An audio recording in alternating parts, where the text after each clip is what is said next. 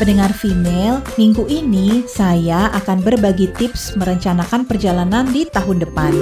Female Travel Journal with Claudia Kauna.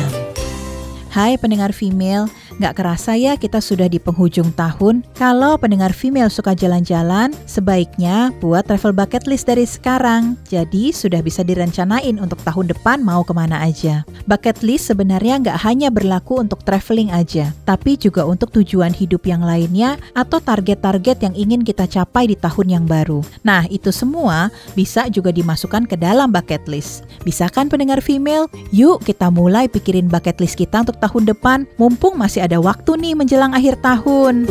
Tunggu ya Female Travel Journal selanjutnya dan Anda juga bisa mendengar ulasan lengkapnya di femaleradio.co.id. Female Travel Journal with Claudia Kauna.